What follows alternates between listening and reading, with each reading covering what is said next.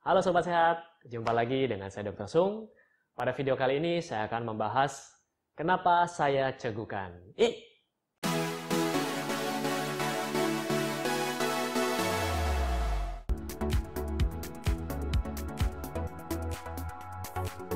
Nah, Sobat Sehat, cegukan ini merupakan akibat dari kontraksi otot diafragma.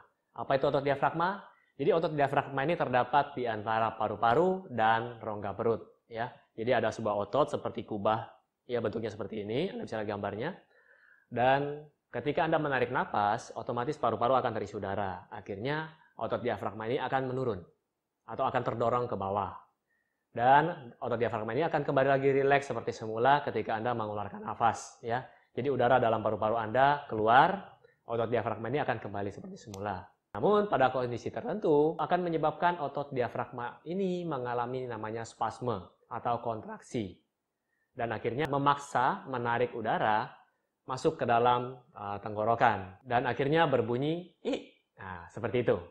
Makanya dalam bahasa Inggris namanya hiccup hik. Nah, seperti itu ya. Nah, sobat sehat, kenapa sih bisa terjadi cekukan atau hikap? Apa penyebabnya?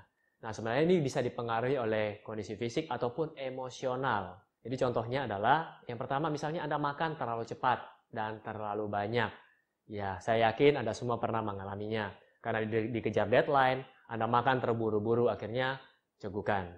Ya.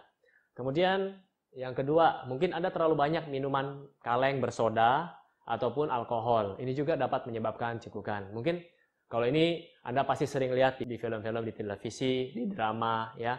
Jadi mereka yang stres kemudian ke bar, minum, setelah itu pulangnya mabuk dan cegukan. Kemudian yang ketiga adalah Anda merasa gugup ataupun Anda terlalu bersemangat. Ini juga bisa menyebabkan cekukan. Lalu stres, perubahan suhu yang tiba-tiba. Kemudian yang terakhir adalah Anda makan sambil berbicara. Makanya waktu kita dulu di SD diajarkan kalau makan jangan berbicara. Ketika Anda makan sambil berbicara, itu Anda akan menelan makanan bersama dengan udara.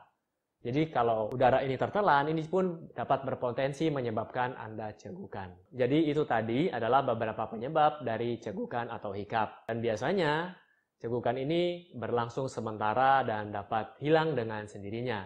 Namun pada beberapa kasus, walaupun jarang terjadi, Cegukan ini dapat berlangsung lama, mungkin satu hari lebih dan hingga berhari-hari. Biasanya terjadi karena ada kerusakan saraf yang terhubung ke diafragma.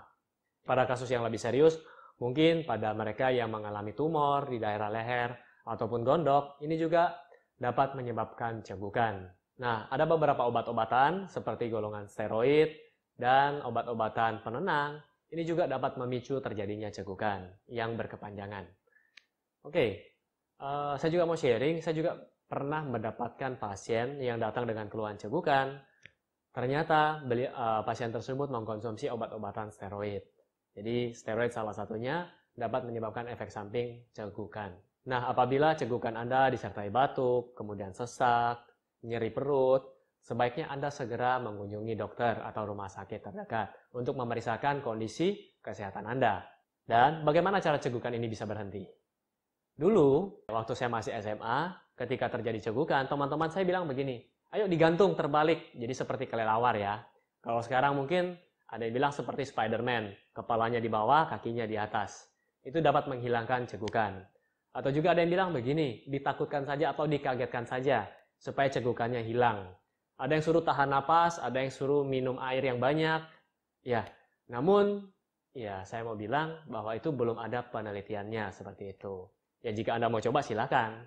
Ya, tapi menurut saya itu tidak uh, memberikan solusi. Ya, namun ada beberapa pendapat dari para ahli dengan menahan napas atau bernapas dalam kantung. Ya, ini membuat karbon dioksida terkumpul dalam paru-paru Anda sehingga menyebabkan diafragma tersebut menjadi rileks. Ya, semoga cara ini berhasil. Namun, jika semua cara ini masih tidak berhasil juga, ya mungkin Anda bisa tunggu sebentar. Biasanya cegukan itu akan hilang dengan sendirinya. Tapi kalau masih tidak hilang juga, ya segera hubungi dokter Anda supaya Anda mendapatkan pemeriksaan kesehatan yang lebih dalam lagi.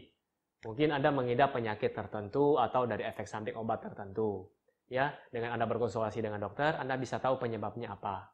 Oke, sekian informasi tentang cegukan dari saya pada video kali ini. Dan semoga informasi yang saya berikan dapat bermanfaat buat Anda semua.